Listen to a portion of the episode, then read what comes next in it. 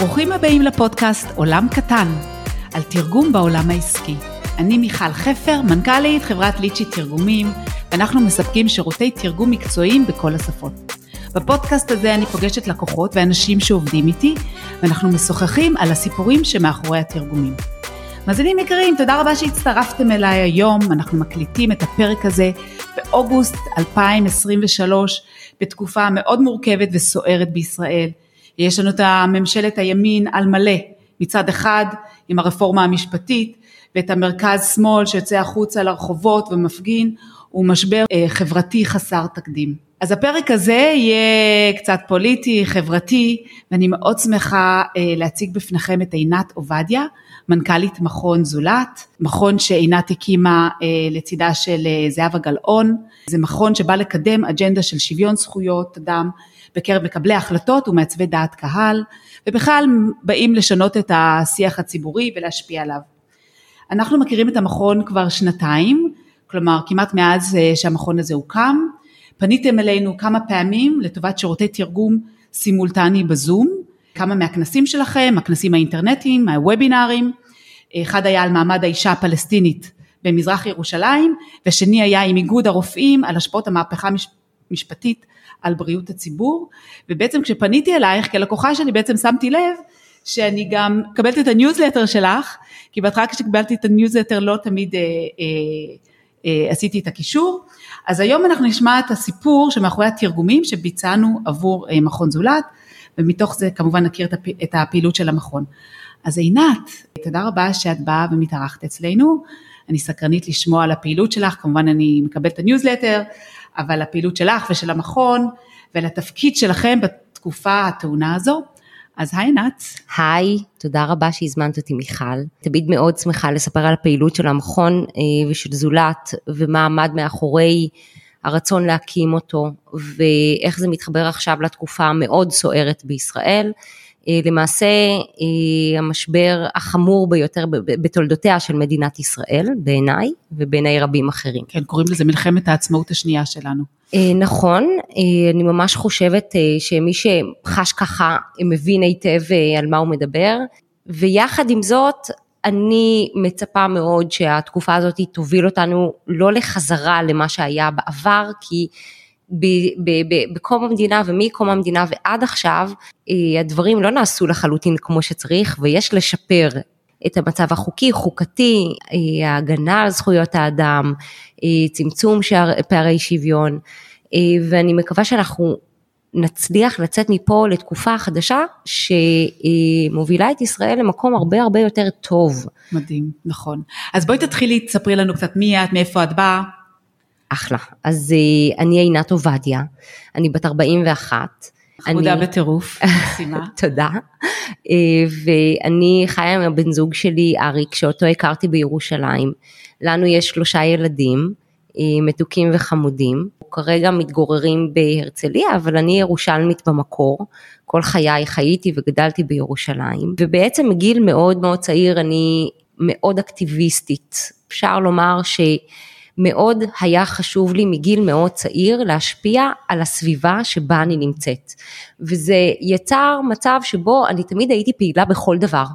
אני תמיד הייתי חברה בכל הוועדים ובכל מיני דברים אה, כאלה ומצאתי את עצמי באוניברסיטה העברית מתמודדת בעצם לתפקיד פוליטי ראשון הייתי הנציגה של החוג ללימודי מזרח אסיה וסינית, למדתי סינית באוניברסיטה. ואנחנו ראינו שאנחנו שתינו למדנו סינית בעצם, אז אנחנו באנו מ- מרקע מאוד דומה. נכון. גם אני למדתי סינית באוניברסיטה העברית, הייתי מתורגמנית לשפה הסינית, ואפילו הצלחנו לקשקש קצת בסינית ביחד. נכון, נכון, נכון. ומצאתי את עצמי מתגלגלת לעולמות הפוליטיים. אה, הייתי העוזרת אה, הפרלמנטרית של זהבה גלאון, ולאחר מכן גם מנהלת הלשכה הפוליטית שלה כשהייתה יו"ר מרץ. אה, והתמחיתי עם השנים בניהול פוליטי של בחירות אה, וקמפיינים. וכיום אני ממנכ"לת את מכון זולת. מהמם. אז אני באמת נתקלתי במכון, אה, נראה לי שדי הרבה אנשים כבר קצת מכירים את הפעילות שלכם, אז בואי תספרי לי, לא, תני לנו משהו מתומצת על מה הפעילות שלכם מבחינת מה המטרות, מה אתם עושים, וכמובן שלא נוכל להתעלם ממה שקורה כיום, כן, קצת תספרי לנו. אז מכון זולת הוא בעצם מכון מחקר. אקטיביסטי, יכול להיות קצת שילוב אה, מוזר ולא לא מובן לאנשים, אבל אני אסביר מה זה אומר. אנחנו מכון מחקר אקטיביסטי ששם לו למטרה להשפיע על מקבלי ההחלטות בישראל, על קובעי המדיניות ועל מעצבי דעת הקהל. בעצם אנחנו בפועל כותבים מחקרים בהיקפים שונים, כשהם מוכוונים מאוד אה, למדיניות ולשינויי חקיקה, והם מוגשים למקבלי ההחלטות בישראל, קרי חברי כנסת שרים. אה, בתקופות שבהם אפשר לעבוד עם הממשלה אז אנחנו פונים לשרים, כיום אנחנו לא פונים לממשלה הזו בכלל, אנחנו עובדים רק עם האופוזיציה, ואנחנו בעצם מציעים הצעות לתיקוני חקיקה מאוד מאוד מאוד אופרטיבי, מאוד מעשי, לאיך לשפר את מצב זכויות האדם והשוויון בישראל. בסוגיות שנעות מתעסוקת נשים אה, ערביות בישראל, ועד אה, סוגיות שקשורות לבריאות הציבור וכיצד לצורך העניין המהפכה המשטרית לא לוקחת בחשבון אה, פגיעה בבריאות ציבור. אז אנחנו פועלים במרחבי פעולה מאוד מאוד גדולים ורחבים שקשורים לשוויון ולזכויות אדם והפן האקטיביסטי שלנו בא לידי ביטוי בזה שאנחנו פועלים מאוד מאוד חזק בכל מה שקשור לשיווק המסר ברשתות חברתיות, בפעולות שאנחנו עושים, וובינארים, פודקאסט, כנסים שאנחנו עושים, וגם פעילות אקטיביסטית שמשתפת את הציבור בעצומות ובקריאה לציבור לקחת חלק פעיל במה שקורה עכשיו ובכלל לקחת אחריות על החיים שלהם בהבנה מעמיקה של מה קורה סביבם. כי באמת כשאני חושבת על, על, על אקטיביזם זה באמת כשאני חשבתי על מכון אז אני חושבת על מכון ויצמן אה, המכון הישראלי לדמוקרטיה, ואני רואה אתכם בחזית. זה משהו שהפתיע אותי ולא הבנתי את הקשר, איך מכון שעושה מחקרים גם בעצם כל כך דוחף אג'נדה מסוימת. נכון, בגלל שאנחנו אה, הגענו למסקנה, אה, אני לא יודעת, אני מתארת לעצמי שמאזיני הפודקאסט, מי שמעניין אותם מכון זולת ובכלל העולם הפוליטי, ארגוני חברה אזרחית, מכיר ושמע על פורום קהלת. פורום קהלת הוא כיום מכון המחקר אה, שהשפיע הכי הרבה על המדיניות בישראל ועל איך החיים שלנו מעוצבים ונראים כיום, כי בסופו של דבר החיים שלנו ומה שקורה איתנו אה, מעוצב על ידי מקבלי ההחלטות, הם מקבלים החלטה על, על איך המדיניות שלנו תיראה, האם אנחנו משלמים יותר מיסים, האם אנחנו משלמים פחות מיסים, האם אה, אה, החינוך שלנו ייראה באופן כזה או אחר. וחלק מהדברים שנעשו בעשר או החמש עשרה השנים האחרונות זה השפעה מאוד מאוד מסיבית על השיח הציבורי. הדבר הזה בא לידי ביטוי בזה שנורמלו בעצם לתוך השיח הציבורי רעיונות מאוד מאוד מופרכים, כמו לדוגמה אה, סיפוח של שטחים. אנחנו קוראים לזה כיבוש, אבל סיפוח הכוונה הייתה עכשיו להגדיל בצורה חיובית את, ה, אה, את השליטה של מדינת ישראל על שטחים ואוכלוסייה פלסטינית ולייצר למעשה מציאות של אפרטהייד. אה, וכשאנחנו אומרים את הדברים האלה זה לא נעים לשמוע כי זה צורם באוזן כן, וכשאומרים סיפוח נפיץ. אז זה בעצם כן. זה, זה משהו חיובי כי אנחנו בעצם חוזרים למקורות שלנו אבל אנחנו אה, כיוון שאנחנו יוצאות לפני זה הנרמול של כל הרעיונות ההזויים האלה כמו הפרדה מגדרית אה, כמו אה, אה, לדוגמה שאין צורך בפיקוח על פעוטונים וגני ילדים. פתאום הדבר הזה הופך להיות נורמלי mm-hmm. בקרב אנשים מסוימים, כשאנחנו אומרים הדבר הזה הוא לא נורמלי. ואיך זה הפך להיות נורמלי? כי השפיעו על השיח הציבורי, כי הפכו את זה למנורמל. ואחד הדברים ששמנו לעצמנו למטרה, זה לנרמל רעיונות שהיו פעם נורמליים. כן, ולשנות את השיח. נכון. ואת זה את עושה בעצם בהרבה דרכים, אז, אז אם אני מבינה נכון, אז יש לכם בעצם כמה פעילויות. נכון. אחד זה הנושא של להשפיע על מקבלי החלטות, על חקיקה, ואני חושבת שמה שמעניין בעניין של זכויות אדם זה שזה לא כלכלי. כלומר, לדאוג לאנשים עם מוגבלויות, זה להשקיע כסף בהנגשה, או לדאוג ל, ל, שיהיו יותר תאים, אה, תאי שירותים אה, לנשים, זה עולה יותר כסף וזה לא בהכרח כלכלי. אז, אז זה, אז, אז, ואז יותר קשה, כי תמיד אנחנו עובדים לפי כל מיני מדדים כלכליים, וזה חלק ממה שאתם עושים, זה לדחוף דברים גם כשאין לזה אולי הצדקה כלכלית לעשות אותה. נכון. כי זה חשוב, זה חשוב לתת את הזכויות גם לכולם. קודם כל, כיוון שאנחנו רואים בחזוננו מדינה דמוקרטית ליברלית, ש... אה, ויוצאים מנקודת הנחה שתפקידה של המדינה היא לדאוג לאזרחים שלה, לכולם, לכולם, גם לאלה שזקוקים ליותר עזרה, ולכן מדינה נמצאת ברמה המוסדית כדי לספק שירותים ש, אה, שאנשים לא יכולים לגשת אליהם או, או, או, או להשיג אותם בצורה פשוטה כמו אנשים אחרים בגלל מוגבלות אמיתית, אה, בגלל אפליה אמיתית, בגלל פערי שוויון אמיתיים. ותפקידה של, של מדינה דמוקרטית, ליברלית, שצריכה לשמור על זכויות האדם, לא יכולה בסט השיקולים שלה להסתכל רק על יעילות כלכלית או לא יכולה להסתכל רק על האם הדבר הזה משיג את המטרה הכלכלית שלו, הביטחונית שלו, המיידית שלו ולדלג למעשה מעל האנשים, האזרחים שזקוקים לתמיכה, לעזרה ולעיתים שמירה והגנה על זכויות. זה לא יעיל כלכלי, אבל אנחנו, אבל, אבל תפקידה של המדינה היא לא להיות חברה מסחרית.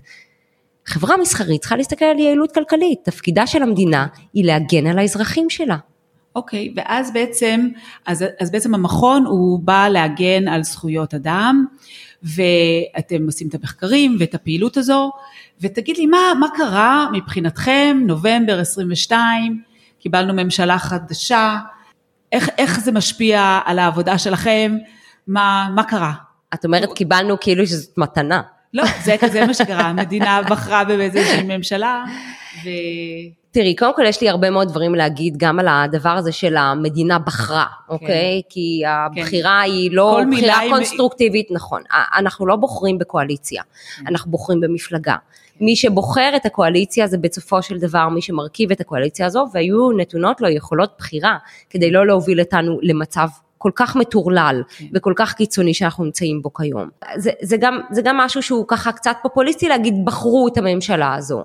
זה לא, זה, זה הרבה יותר מורכב מזה.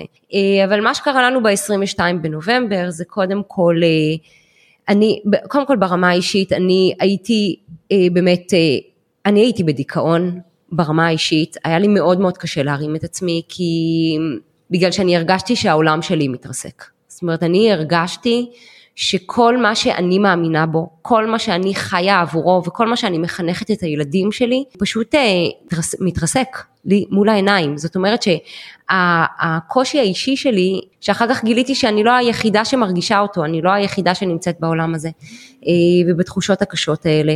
נראה לי רואים לאף... את זה ברחובות שאתה לא היחידה נכון, בתחושה אבל, הזאת. נכון, אבל אז זה לא היה כל כך מוחשי, זה היה הרבה יותר בבטן. היה חשש אמיתי ש, שהולכת להשתלט, שהולך להגיע פה גל עכור מאוד, ואני לא ידעתי להגיד בדיוק, גם לא ברמה האישית שלי, אבל אני, אני ידעתי להגיד בתחושות הבטן שלי שאנחנו הולכים לתקופה מאוד חשוכה. זה כמו שחקן שחמט, הוא יודע לשח, שאת יכולה לצפות מהלכים. כן, אז קודם כל אני משחקת שח. כן, גם זה כן. אני יודעת לעשות. כן. אמ, אבל... אה, אז נכנסתם לאיזה פעולה אחרת? כן, אז קודם כל... עשיתם דברים אחרת? כן, קודם כל לקח לנו קצת זמן להתאושש מהמכה. אבל אנחנו הבנו שאנחנו כמכון מחקר חייבים להתאים את עצמנו למציאות. אנחנו לא יכולים לכתוב מחקרים שמדברים על פערי שוויון בתעסוקת נשים, כשבעצם הולכים לרסק לנו את כל הדמוקרטיה. אז הייתם צריכים לשנות את כל התוכנית השנתית בדיוק. שלכם? נכון. כי אני מניחה שגם לבחור נושא לחקור זה משהו ש... יש בטח, אתם מחליטים מה הכי חשוב, סדר עדיפויות. ברור. אז עכשיו הייתם צריכים לשנות את כל, את כל התמונה? נכון. אז קודם כל, אה, המציאות חייבה אותנו לשנות טיפונת אה, טקטיקה. אנחנו עבדנו עד עכשיו בטקטיקה שבעצם מניחה על סדר היום דברים שאף אחד לא רוצה לדבר עליהם. זאת אומרת, אנחנו מעלים לסדר היום, לא, לא רק, אבל חלק מהטקטיקה שלנו הייתה גם ליזום נושאים שאף אחד לא מעוניין לדבר עליהם, או שלא שמעו עליהם, או שיש נקודות עיוורון בחקיקה שלא רואה איך הדבר הזה פוגע בזכויות אה, אה, אדם ובשוויון. ואנחנו הגענו למסקנה שכרגע אין כל כך מקום לדבר הזה, עלינו להיות תגובתיים ומהירים ולייצר כמה שיותר תגובה מיידית לסדר היום, כי אחרת אנחנו לא נהיה רלוונטיים כמכון מחקר שמתכתב עם מקבלי ההחלטות. זאת אומרת, יש מכוני מחקר שהם מפרסמים מחקר לצורך זה שידעו. ויצטטו אותך. בדיוק, ויעלו את זה יעלו את זה, יפרסמו את זה במגזינים ובמחקרים נוספים. אנחנו מכון מחקר שהמטרה שלו היא להשפיע על מקבלי החלטות ועל השיח הציבורי, ואם אנחנו לא מגיבים על השיח הציבורי, ואנחנו לא נמצאים על המסלול הזה, זאת אומרת שאנחנו לא רלוונטיים יותר. אז מה עשיתם? מה, מה היה הדבר הכי משמעותי שעשיתם? אז קודם כל, לפני הכל, אנחנו הסתכלנו מה היתרון המעשה, מה היתרון היחסי שלנו, והיתרון היחסי שלנו, שלי ושל זהבה גלאון נשיאת אה, המכון, היא הפעילות בכנסת. אנחנו שוחות בעבודה פרלמנטרית. פרלמנטרית, אנחנו מבינות את העבודה של הכנסת, אנחנו יודעות להסתכל על סדר יום של כנסת ולהבין מתי עולה הצעה, מתי דיונים, איך הדיונים מתנהלים, את מי אפשר להביא כדי אז הייתם להתנגד. בתוך הוועדות נכנסתם? קודם כל היינו בתוך הוועדות ואנחנו תמיד בוועדות, זה חלק מהאקטיביזם שלנו. ש- אוקיי. ב- באופן השוטף, אנחנו בתוך הוועדות של הכנסת, אנחנו מגיבים לסדר היום ואנחנו באים להביע עמדה בזירה שקצת, שקצת ננטשה מהצד הליברלי דמוקרטי שמאלי, אבל עכשיו אנחנו היינו בנקודת חירום ואנחנו הגענו למסקנה שהגיע הזמן להאיר את הדובים, מי עליה בעצם היו נו, אז אני הדובים. סקרנית, מה עשיתם? אני באמת... פנינו ללמעלה ממאה חברי כנסת ושרים לשעבר, שלא רק שהם אה, נציגי ציבור בעבר, הם גם מומחים בתחום, בתחומים הספציפיים האלה שעולים על סדר היום ושהולכים לעלות על סדר היום מעבר לכל מה שקשור ל, לרפורמה המשפטית או מהפכה המשפטית שהייתה, היה כאן בעצם מתקפה מכל החזיתות, התקשורת שלנו, אה, כל המעמד של, של נשים בישראל, יחסי דת גזענות. ומדינה, גזענות ושטחים, ואנחנו הגענו למסקנה שהיתרון שלנו הוא הפעולה בכנסת, ואנחנו חייבים לגייס חברי כנסת ושרים לשעבר, שהיו מעורבים בפעילות הכנסת בעבר, שהובילו בעצמם מהלכים, ששיפרו את מצב זכויות האדם בישראל, כן. שיש להם וגייסנו אינטרס. אותם, שיש להם אינטרס לבוא ולהתנגד, כי בעצם פוגעים להם בציפור הנפש, כן. וגייסנו אותם לחזור לכנסת. מעולם לא מה זאת אומרת קרה. לחזור לכנסת? הם חזרו וישבו בדיונים. אה, לא כחברי ש- כנסת. לא אבל כחברי כנסת, הם כ- כמומחים מבחוץ, כאנשים והם באו להביע עמדה. באו להביע עמדה. והגיעו שרי משפטים לשעבר, שר המשפטים אה, אבי ניסנקורן ושר המשפטים אה, אה, דן מרידור מהליכוד ושר המשפטים לשעבר מאיר שטרית. אז כל אלה אתם דחפתם אותם והודעתם אותם יצרנו להגיד... קבוצה, אוקיי. ארגנו אותם להגיע לכנסת, הארנו את הדובים. אוקיי. זאת אומרת שפתאום התחלנו לשמוע חברי כנסת ושרים לשעבר מכל סיעות הבית, ימין ושמאל, ערבים ויהודים.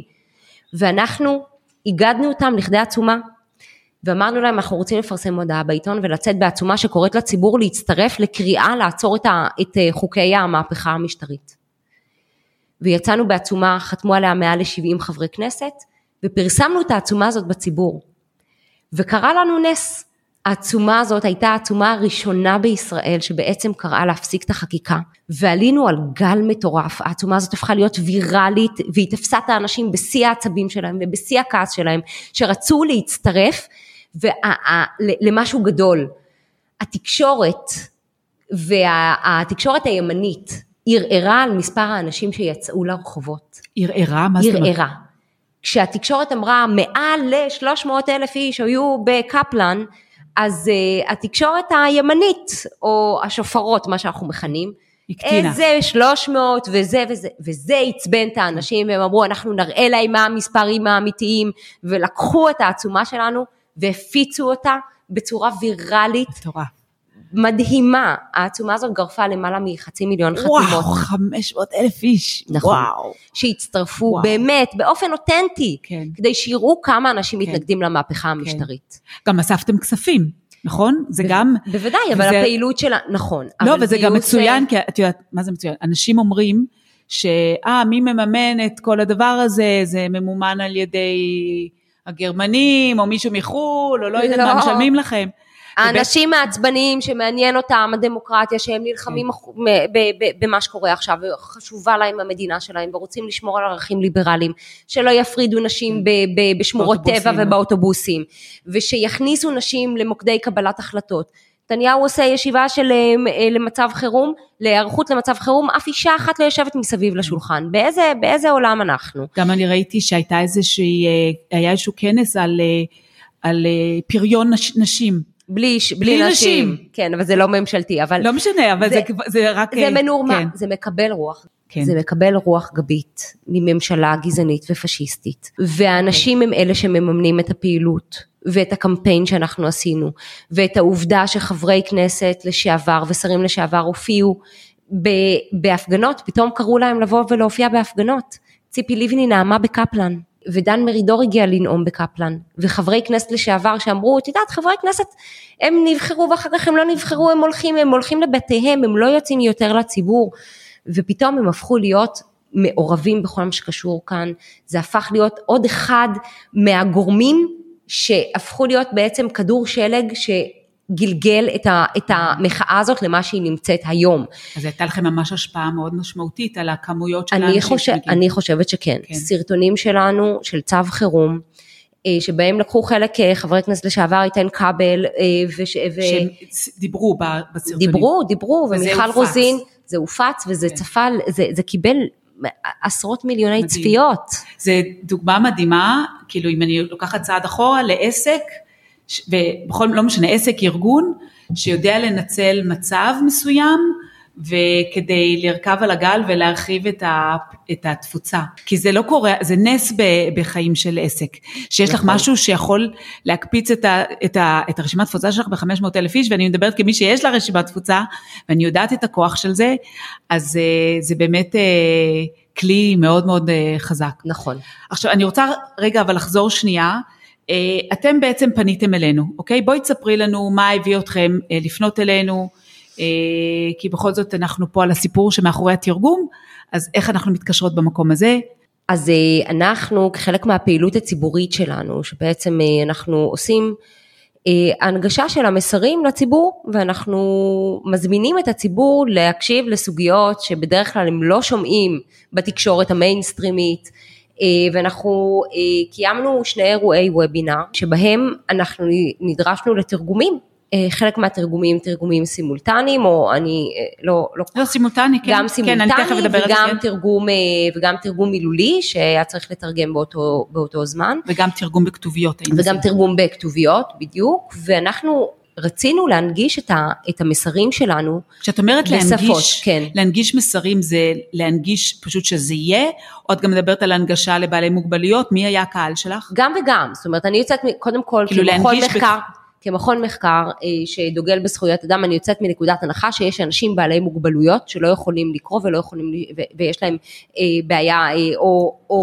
כבדי ראייה או כבדי שמיעה, שזקוקים להנגשה מסוג אחר ואני עושה את המקסימום כדי להנגיש לכל סוגי האוכלוסייה את כל, את כל התכנים שלנו. זה דבר אחד מתפיסת עולם שלנו. דבר שני, יש אנשים שהנושאים הספציפיים האלה שאנחנו פנינו אליכם לצורכי תרגום, אנחנו כיוונו גם החוצה, לא רק לתוך ישראל, ונזקקנו לתרגומים גם באנגלית, בעיקר באנגלית. אנגלית עברית בעיקר. נכון, אנגלית עברית בעיקר, בגלל שהנושאים שדיברנו עליהם היו נושאים בינלאומיים. כן. אה, שאני חושבת שעניינו ו- ומעניינים לא רק את הקהל בתוך ישראל, נושא אחד אולי הוא קצת יותר נישתי, שזה אה, ביטחון, ביטחונן או התפיסת הביטחון או הביטחון של, של נשים פלסטיניות במזרח ירושלים, שמעמדן הוא בעייתי ביותר, כיוון שהן לא אזרחיות ישראל, הן תושבות ישראל ויש יש okay, אוקיי, פער רוצה, מאוד גדול, כן. וזה באמת, אה, זה, הוובינר היה סביב דוח שאנחנו כתבנו על דוח שמסתכל על ירושלים בפרספקטיבה מגדרית. ואני רוצה להגיד שבעצם כשאנחנו עושים וובינר, קודם כל וובינר זה טכנולוגיה שיחסית יותר חדשה ואנחנו כבר כולנו יודעים מהי, בעקבות הקורונה זה תפס תאוצה, וכשאת עושה וובינר יש לזה כמה יתרונות, כי את יכולה לחבר אנשים מכל מקום בארץ, בכל מקום בעולם, ויש גם את הפונקציה שאת יכולה להוסיף מתורגמן. עכשיו, יש גם פונקציה של מתורגמן שהוא מדבר, וגם פונקציה של כתוביות, וזה בעצם השירות שסיפקנו לכם בש... באירועים שליווינו אתכם, שהמתורגמן הראשון באמת היה על הנשים הפלסטיניות, ואז המתורגמנית אה, מתחברת לתוך הממשק של הזום. עכשיו אני רוצה להגיד במאמר מוסגר, אתם אה, מאוד ערוכים, אתם עושים הרבה מאוד אה, סמינרים, וובינרים, מה זה וובינר? סמינר on the web, כאילו כנס דיגיטלי. להפיק וובינר זה לא דבר מאוד פשוט, ויש עניינים טכניים. אני הקלטתי פה פודקאסט, פרק בפודקאסט עם בלה עברון, שהיא מומחית להפקת וובינר, כי מי שרוצה להפיק וובינר כדאי שיקח בחשבון שצריך לעשות הכנה, צריך לעשות טסטים עם המנחים, אה, צריך לוודא שכל, שכולם שומעים, שכל הציוד עובד, בוודאי ובוודאי מוסיפים גם מתורגמן. אה, לשיחה זה מאוד חשוב, כי זה ערוצי תקשורת נפרדים בתוך הממשק, אז צריך לעשות טסט, והיו לי מקרים ש, שבעצם המתורגמן הגיע ולא עשו טסט, אז זה לא עבד כמו שצריך, לא ראו את התמונה. גם, את יודעת מה, אפילו ברמה הזו, כשאת עושה טסט, את צריכה להביא את הפרטי התחברות לזום. את צריכה את השם משתמש ואת הסיסמה. ואם את כמה דקות לפני האירוע ואת והמתורגמן לא מצליח להתחבר ואתה צריכה לזכור את הסיסמה, עדיף לעשות את כל הדברים האלה מבעוד מועד. המתורגמנים שלנו באמת אה, ליוו את, ה, את האירועים שלך, אז ככה, את יודעת מה, נכון, היו, היו שני, אירוע אחד על הנשים הפלסטינאיות, אנחנו גם תכף נדבר על האירוע השני, אז אני רוצה גם לתת כמה דגשים בעצם מה זה מתורגמן, כי לא כולם יודעים, יש מתרגם, יש מתורגמן, אז קודם כל להכיר את ההבדל בין המונחים האלה, כי מתרגם זה מי שלוקח כל העבודה שלנו זה בעצם לקחת, אה, להעביר מסר משפה אחת לשפה שנייה. המתרגם עושה את זה בכתב והמתורגמן עושה את זה בעל פה. מה זה עבודת המתרגם בעל פה? זה או שהוא תרגום עוקב, זה אומר שאני אומרת משפט, אני עוצרת ואחר כך את אומרת משפט, ואז המתורגמן מתרגם עם עצירות, אבל בתרגום סימולטני ובוודאי בוובינארים, באירועים שאת לא רוצה לעצור את השטף, אז אנחנו מדברים באמת בתרגום סימולטני שבזמן שאת מדברת כבר יש מישהו שמתרגם אותך. במקרים שלך אנחנו נעזרנו בשני שירותים נפרדים, אחד זה היה באמת מתורגמן סימולטני, שהוא בערוץ תקשורת, בערוץ נפרד בתוך הזום, הקהל יכול לבחור אה, להקשיב למתורגמן שמדבר בשפה השנייה, כלומר אם את מדברת באנגלית, אז המתורגמן מתרגם לעברית, אז הוא יכול לשמוע רק את העברית, או כמובן אפשר להוסיף אה, איזה שפות שרוצים, ואפשר להוסיף כמה שפות במקביל, כלומר אם יש וובינר שמדברים בו בעברית ואת רוצה שהוא יהיה גם לאנגלית, גם לערבית, גם לרוסית, באותו זמן את יכולה להוסיף כמה מתורגמנים במקביל. כנס הזה שאחד מהם אנחנו השתמשנו במתורגמן בכתוביות, אז גם יש ממשק של כתוביות ואז זה בדיוק מתכתב עם מה שדיברת על ההנגשה, שאנחנו לא שומעים את המתורגמן, אלא קוראים את הטקסט, והבן אדם יושב ומקליט, המתורגמן בזמן אמת, את מה שנאמר אה, לשפות אחרות. קודם כל, שאלה, למה בעצם בחרנו, למה אנחנו בחרנו בוובינר השני שלנו לעשות את זה בכתוביות ולא ב... ולא סימולטנית בעצם. את שואלת אותי? כן, אני מנסה עכשיו לחשוב, אה, כי זה היה בעיניי... אני אגיד לך בעיה. אני חייבת להגיד שקודם כל הדבר הזה הוא מאוד מאוד, אני זוכרת בוובינר הראשון שלנו שאני שברתי את הראש, כי אני אמרתי לא יכול להיות שהוובינר שלנו לא יהיה מתורגם בזמן אמת. ואיך אנחנו עושים את הדבר הזה, ואני שלחתי את מי שהיה מנהל הדיגיטל שלנו, ואני אמרתי לו, תשמע, אתה חייב למצוא לזה פתרון, כי יש לנו קהל דובר, אה, דובר, דובר אנגלית, ויש לנו גם נשים פלסטיניות שהן לא דוברות עברית בכלל, זאת אומרת אנחנו נצטרך פה איזשהו סוג של תרגום. אז אה, הוא פנה באמת, אז לא, הייתה, לא היו לנו את היכולות במכון לייצר את הוובינר פנים ארגונית, אז אנחנו פנינו למישהו חיצוני שיעשה לנו את זה, והוא המליץ עליכם. ואז אני פשוט, אני זוכרת שאני נדהמתי מזה שיש אפשרות ללחוץ על כפתור בזום, אני זוכרת שדיברתי עליו ואמרתי לו, רון, איך יכול להיות שיש, אפשר ללחוץ על כפתור ולשמוע את זה בשפה אחרת? אני לא מאמינה שזה קורה, ובאמת, תוך כדי הוובינר, כשאני בעצמי בעצם אה, אה, צפיתי בו, עברתי בין התרגומים כדי לשמוע איך זה, איך זה נשמע, והאמת שזה מאוד מגניב.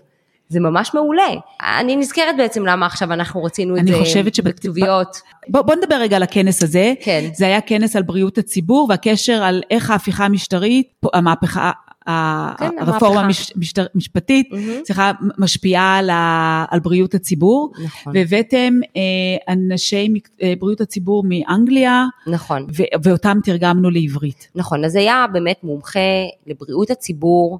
הוא מומחה לבריאות הציבור גם ברמה הבינלאומית, אבל גם אה, מאוד קשור למומחים בבריאות הציבור פה בישראל, ואנחנו כתבנו, אה, מי שכתבה בעצם זו דוקטור שלי קמין פרידמן, שהיא גם עורך דין והיא גם אה, מומחית בבריאות הציבור, כתבה מסמך מאוד מאוד מאוד טוב, שמראה את הקשר בין ביטול עילת הסבירות, לבין הפגיעה בבריאות הציבור. דרך אגב, זה מאמר שלנו שתורגם לאנגלית, ופורסם במגזין רפואי שהוא מספר 2 בעולם, במגזין הלנצט. אז תספרי לנו באמת מה הקשר. קודם כל יש קשר מאוד מאוד גדול, הרבה אה, מאוד, אה, כפי שהתחלתי בעצם, התחלנו פה עכשיו לדבר על הפודקאסט הזה, שהרבה פעמים אה, מקבלי החלטות וקובעי מדיניות מתעלמים או לא ערים, אוקיי? הם לא מתעלמים בכוונה, הם פשוט לא ערים לשיקולים מסוימים הם עיוורים לשיקולים מסוימים כשהם באים לקבל החלטה לגבי קידום מדיניות כזו או אחרת.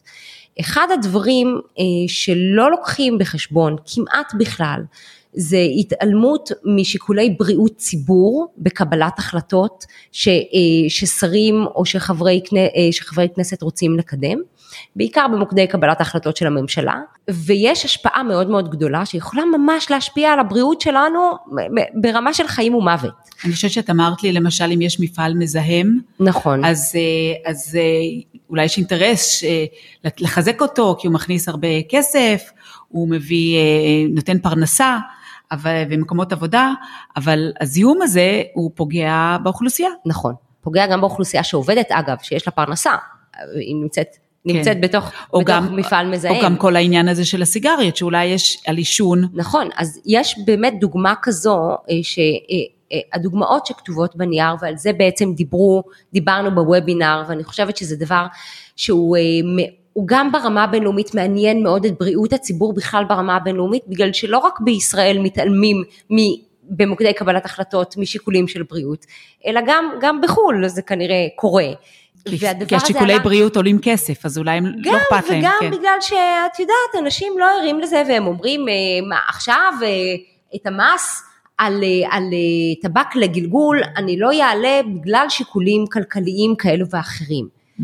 אבל בעצם למה לא ישבו את המס אה, על, אה, על טבק לגלגול כמו המס על סיגריות? למה? הרי זה משפיע בדיוק באותה צורה על האנשים המעשנים.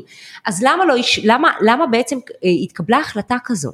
עכשיו הממשלה יכולה לבוא ולתרץ את הדברים האלה ולהגיד כי יש לנו ככה, כי זה בתחום סמכותי כשר, כי אני מחליט על מדיניות המיסוי בישראל, ואז יש כלי משפטי מאוד מאוד חשוב, שבעת ביטולו או בעת, אה, אה, אה, בעת ביטולו בעצם, אנחנו מונעים הגנה על הציבור והדבר הזה בא לידי ביטוי בעיקר בבריאות הציבור.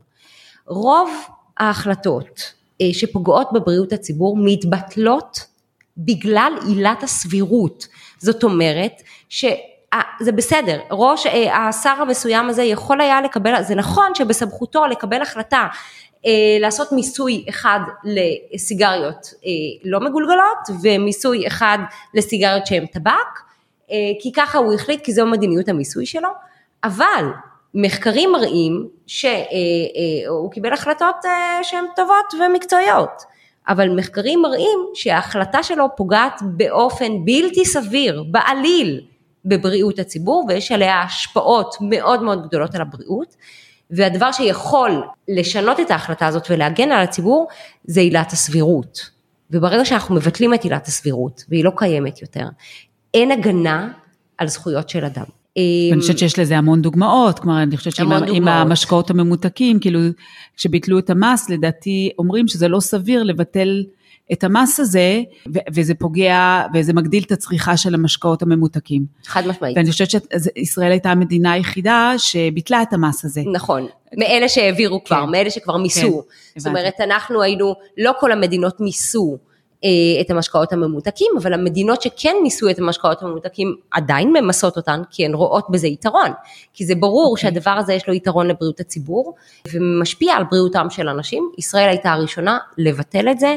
אוקיי. אה, מטעמים אה, של אלקטורט זה רגע, או אחר. תזכירי לי, אז בעצם למה, היה, למה, למה באמת בחרתם בכתוביות ולא תרגום כתוב? אה, בעל פה?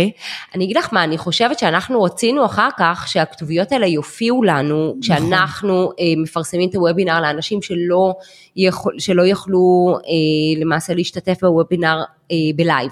עוד אחד, עוד אחד הדברים באמת מאוד חשובים, שאת לוקחת וובינר, את מקליטה אותו, ואז את יכולה לעשות לו שימוש חוזר. עכשיו ברגע שכבר הקלדנו את הכתוביות, את יכולה להוריד את הקובץ כתוביות ולהשתמש בו. נכון. אז את יכולה להשתמש בוובינר הזה, את יכולה לחלק אותו לחלקים, את יכולה לערוך אותו, את יכולה להשתמש בו בכל מיני צרכים, גם אם זה לא כל הוובינר כולו. בדיוק. להוסיף לו כתוביות ולפצל. תגידי, אנחנו, אמ, מה את אומרת, אה, האמת היא שאנחנו כבר די לקראת הסוף. דיברנו על כל הדברים שרצינו, אני רק רוצה להזכיר שבעצם אתם עושים הרבה מאוד שיווק, גם אה, אני מתחברת לזה מאוד כבעלת עסק, תוכן ל, לרשתות ותכנים לרשימת תפוצה, ואתם עליתם על הצו חירום הזה, שזה נראה לי באמת שיחק להגדיל את הרשימה. אני מקווה שאני גם אמצא איזה משהו חיובי, אה, דרכו אני יכולה לעשות איזה משהו ויראלי כזה. אבל על זה אנחנו נדבר אחר כך. נראה לי שבהחלט יש לכם השפעה על השיח הציבורי, לפחות אה, אני יודעת, אני מכירה הרבה אנשים שמקבלים את הניוזלטר שלכם, ואני רוצה כן לסיים איתך עם כמה טיפים שלך, אה, עינת, על מה, מה את חושבת, איך אנחנו צריכים להתנהל בעידן הזה, בעידן הדיגיטלי? מה הטיפים שלך, כאילו, לציבור הישראלי, וכמובן למאזינים שלנו פה בפודקאסט? כן, אז אני חושבת שאנחנו במלחמת אינפורמציה, אוקיי? ואני חושבת שהטיפ הראשון שלי, אה, כמי שעומדת אה, בממנכ"לת מכון מחקר, אה, ומאוד חשוב לי להוציא החוצה מידע מהימן, שעבר ביקורות ועבר בדיקות ומתבסס על מידע אמין ואמיתי. גם הניתוחים שלנו מתבססים על מידע אמין ואמיתי. ואני חושבת שאנחנו נמצאים בעידן אה, שיש בו הרבה מאוד דיסאינפורמציה, הרבה מאוד fake news, ואני ממליצה לאנשים להתחיל לפתח את החוש הזה, שיודע להבחין בין מידע לא מהימן, שלא יודעים מה המקור שלו, מאיפה הוא הגיע, על סמך מה הוא מבוסס, מי אמר אותו, אה, איפה הוא התפרסם לראשונה, ולחתור כל הזמן למצוא את המידע המהימן והנכון. אחד מהדברים, יש לנו דוח שמדבר על fake news ופגיעה בזכויות אדם, ואחד הדברים שאנחנו בדקנו, ההשפעה של ה fake news יכולה באמת להשפיע על הזכות שלנו לבריאות, הזכות לחיסונים, הרבה מאוד אנשים בתקופת הקורונה בעצם ראו, קיבלו מידע שגוי לא נכון שפגע בבריאות שלהם. אז כלומר את אומרת באמת לשים לב למידע שאתם מקבלים ושלא לבדוק את המידע כי יש הרבה פייק נכון. news. נכון, ויש לי עוד משהו ככה, השנקל שלי בתקופה שבה אנחנו נמצאים. אני חושבת שאנחנו כאזרחים במדינה שאכפת לנו ממנה, לא יכולים לשבת בשקט, אנחנו חייבים להיות מעורבים, אנחנו חייבים לקחת אחריות על המציאות שאנחנו חיים בה, ואני קוראת מפה לאנשים לקחת חלק במחאה הזאת אם אכפת לכם ממדינת ישראל, ואם אתם רוצים שערכים ליברליים יישמרו, צאו לרחובות, תתמכו בארגוני מחאה, תתמכו בארגונים שרוצים לשנות כאן את, ה, את הדיסקט של מדינת ישראל ולהוביל למדינה אה, ליברלית, אמיתית, ששומרת על זכויות אדם ואזרח. אה, זהו. מעולה. אני רוצה גם ל, ל, להגיד את הטיפים שלי, כי בעצם אנחנו משתמשים בתרגום ובשפה כדי להרחיב את הקהלים שלנו, להגיע לקהלים חדשים בארץ ובחו"ל. חייבים לזכור שהחלק מהאוכלוסייה שלנו, חלק גדול מהאוכלוסייה שלנו פה בארץ לא מדבר רק עברית, יש uh, הרבה דוברי ערבית, הרבה דוברי רוסית, ספרדית, יידיש, אנגלית, צרפתית, you name it, אנחנו באמת ערב רב של אה, תרבויות, אז כשאנחנו משתמשים בשפות נוספות, אה, אנחנו נוכל להגיע לקהלים אה, נוספים בארץ ובחו"ל, אז קודם כל לראות איזה חומר אנחנו רוצים ואיך אנחנו רוצים להנגיש את החומר שלנו, איך אנחנו בוחרים מתרגם, אנחנו בודקים את הניסיון שלו ואת ה, את הקורות חיים שלו ואת הרקע שלו ואת היכולת של כל מתרגם ומתורגמן להתמודד עם התוכן ולהתכונן לכל דבר שעושים בין אם זה המתרגם, מתורגמן, אני אומרת שזה שניהם, מקבלים חומרים מראש ויכולים לעבור ולקרוא ולהתכונן לקראת אירוע, וכמובן שאם עושים וובינר אז גם להתכונן אליו, כי זה לא משהו שהוא, זה, זו פלטפורמה טכנולוגית אה, שצריך לדעת איך לתפעל אותה. טוב, מעולה, אני ממש שמחה שהיית פה היום, זה היה לי מרתק לארח אותך, את, אה, אני מראיינת אותך באמת בתקופה הכי סוערת של המדינה שלנו. אה, עינת, אם מישהו רוצה להגיע אלייך, אה, רוצה להצטרף לרשימת התפוצה, מה צריך לעשות? אפשר למצוא אותנו בגוגל, לכתוב זולת לשוויון ולשוויון וזכויות אדם, מאוד פשוט אנחנו מופיעים ראשונים, חוץ מאולי ההגדרה של מה, מה היא אומרת המילה זולת, וגם חפשו עינת עובדיה, זה שם שקשה לשכוח. חפשו עינת עובדיה בגוגל, אה, יופיע לכם מיד זולת, אז, אה, אז אה, תוכלו להגיע גם אליי באופן אישי וגם לדברים שאנחנו עושים. ותודה רבה מיכל, גם על השירות שאתם נתתם לנו, על שירות התרגומים, זה חלק מהאג'נדה שלנו, להנגיש במקסימום את, ה, את התכנים שלנו, גם לאנשים שאינם דוברים את השפה. וזהו, אני חושבת שזה היה מאוד אפקטיבי ומאוד נכון לנו, ובוודאי שאנחנו עוד נמשיך כשנצטרך לעבוד איתכם.